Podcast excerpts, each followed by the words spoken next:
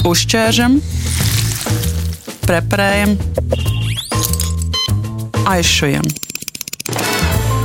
Tāda ir mēdīņa anatomija.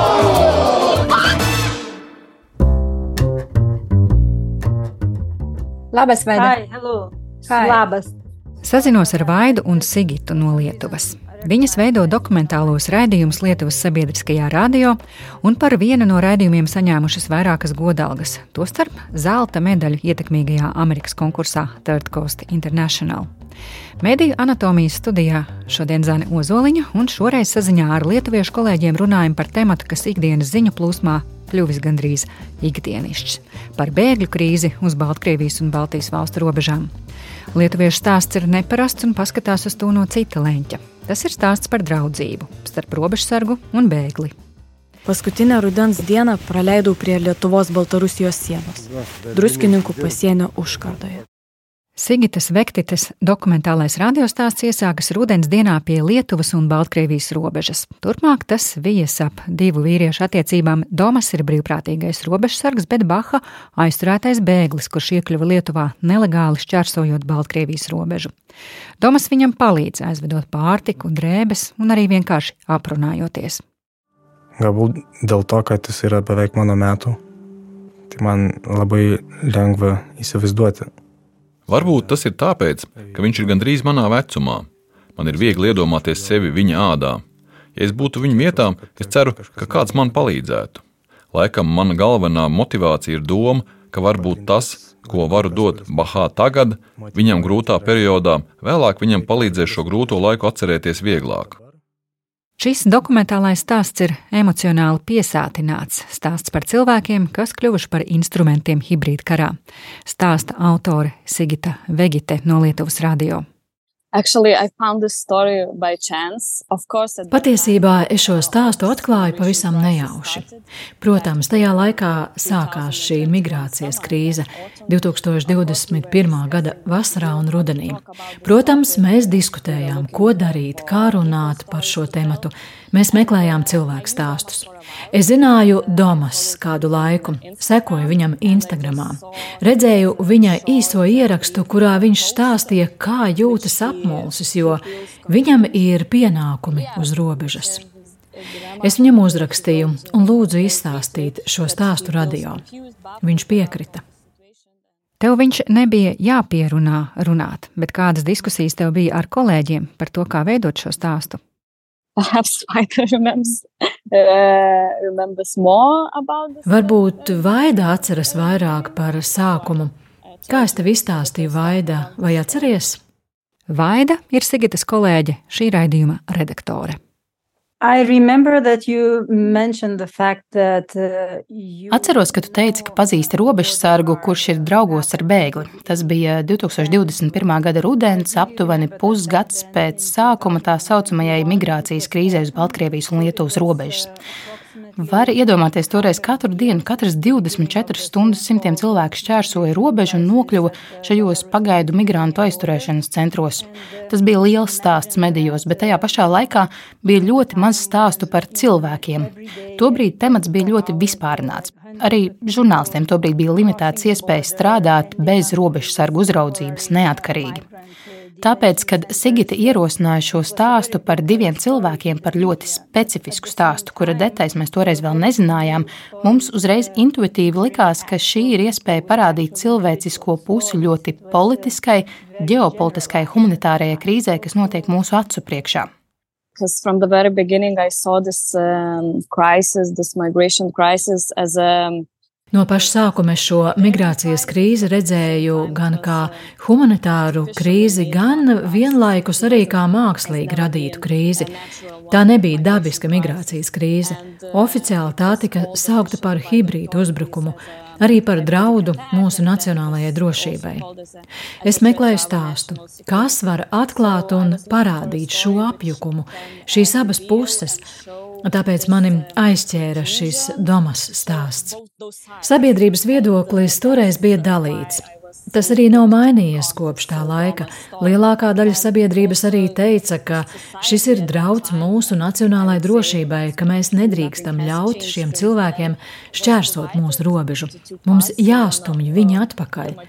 Tikai daži cilvēki teica, ka tā ir humanitāra krīze un ka mums jāļauj visiem migrantiem šķērsot robežu.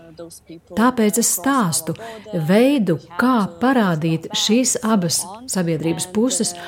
Un, kad ieraudzīju šo Domas īso vēstījumu Instagramā, jā, tas bija tas, ko es meklēju. Man arī bija garas sarunas ar Domas par viņa motivāciju izstāstīt stāstu radio. Tas bija grūts laiks. It was a little bit hard time, but that, that time. Jūs teicāt, ka apspriedāt ētisko pusi. Vai bija kas tāds, kas mainījās pēc tam, kaut kas, ko neielikāt redzējumā, vai redzējuma forma mainījās? Baha uh, Baha tajā laikā bija aizturēts. Viņš nedzīvoja tā saucamajā bēgļu centrā. Mēs baidījāmies viņam kaut ko nodarīt pāri, tāpēc es zvanīju juristiem, lai šo pārunātu. Un viņš teica, ka es nevaru viņam nodarīt neko ļaunu, jo viņš tāpat ir aizturēts. Radio redzējums tika veidots laikā, kad Covid dēļ bija ļoti strikti ierobežojumi. Stāsta otro varoni Bahā Sigita pati pat nesatika. Visus sakarus ar viņu arī uzturēja Domas. Tas bija apzināts lēmums pašai neintervēt bēgli, bet ļaut ar viņu runāt Domam, kurš arī ierakstīja sarunas. Bahā zināja, ka runā radio ierakstam, arī viņš bija ieinteresēts izstāstīt savu stāstu klausītājiem. Okay, I, I to... Ok, es saprotu, ka nevarēju ierasties nelegāli Lietuvā, bet ja man būtu iespēja ierasties legāli, es būtu braucis legāli. Būt par bēgli nav tik liels noziegums. Es nekad nedomāju, ka varētu nokļūt briesmās. Šeit Lietuvā esmu aizvadījis tiešām sliktas dienas. I, I really bad days here in Lithuania. Vai jūs atceraties to sajūtu pirms raidījuma ētera un kas pēc tam sekoja? Kāda bija klausītāja reakcija un ko teica politiķi vai paši robežsargi? Kad es pabeidzu šo dokumentālo stāstu, es biju ļoti nogurusi. To es ļoti skaidri atceros, bet patiesībā nebija nekādas reakcijas no politiķiem vai robežsargiem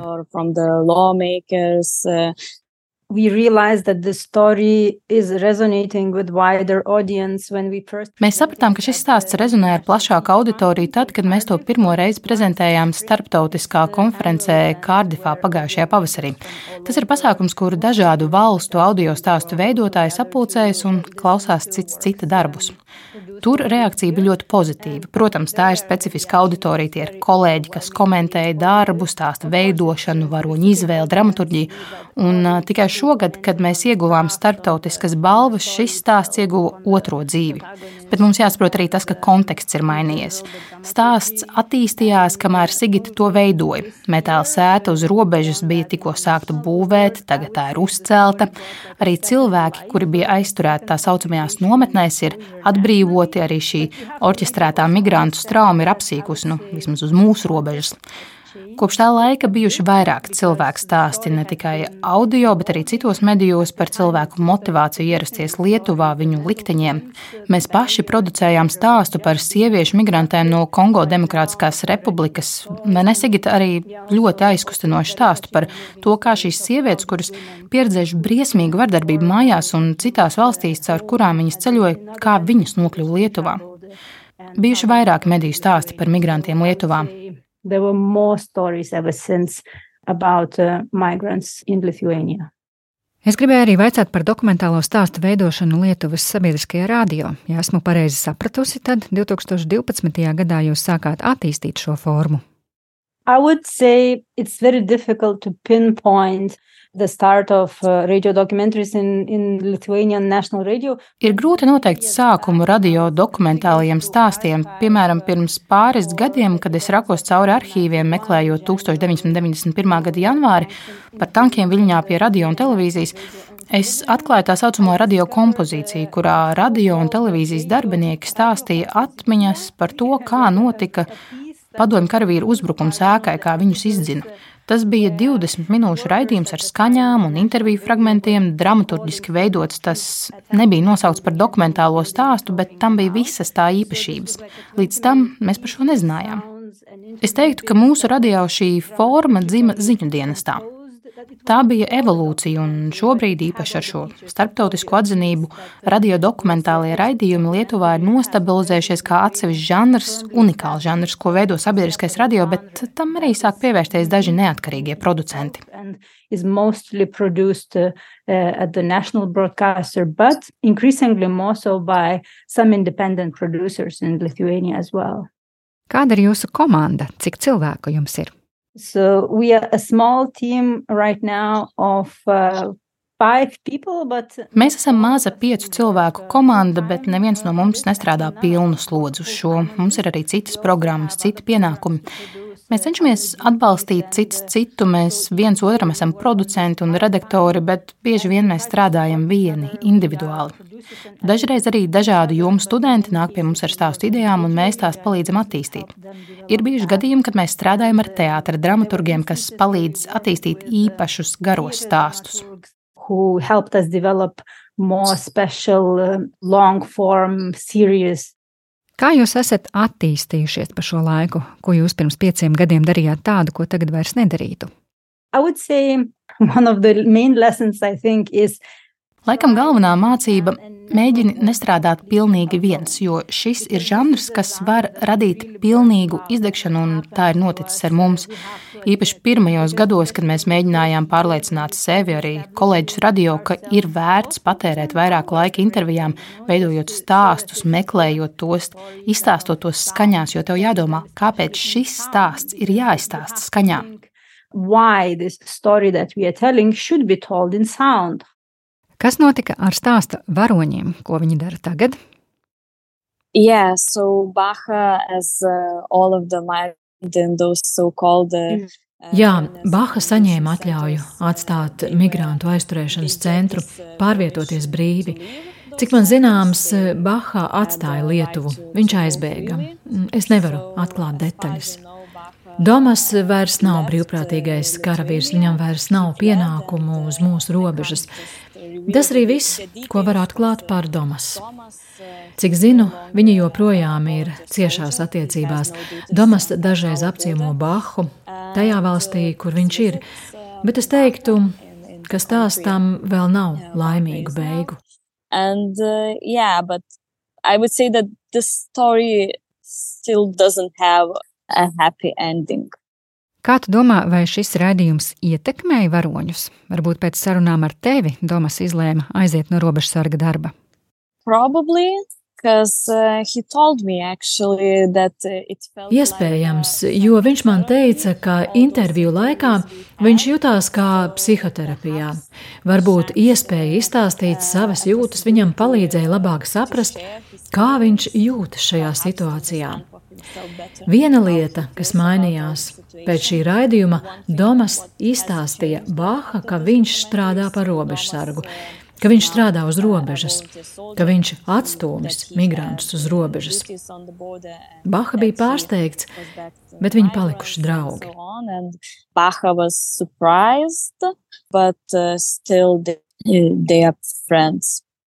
Un mans pēdējais jautājums, jūsu darbs ir smags. Kā jūs no tā izējat? Kā varat izslēgt datoru pulksteni sešos un pievērsties kaut kam citam? So Tas ir ļoti grūti. Parasti, kad vairs nevaru fiziski un mentāli un citādi to izturēt, es dodos garā pastaigā, iespējams, mežā.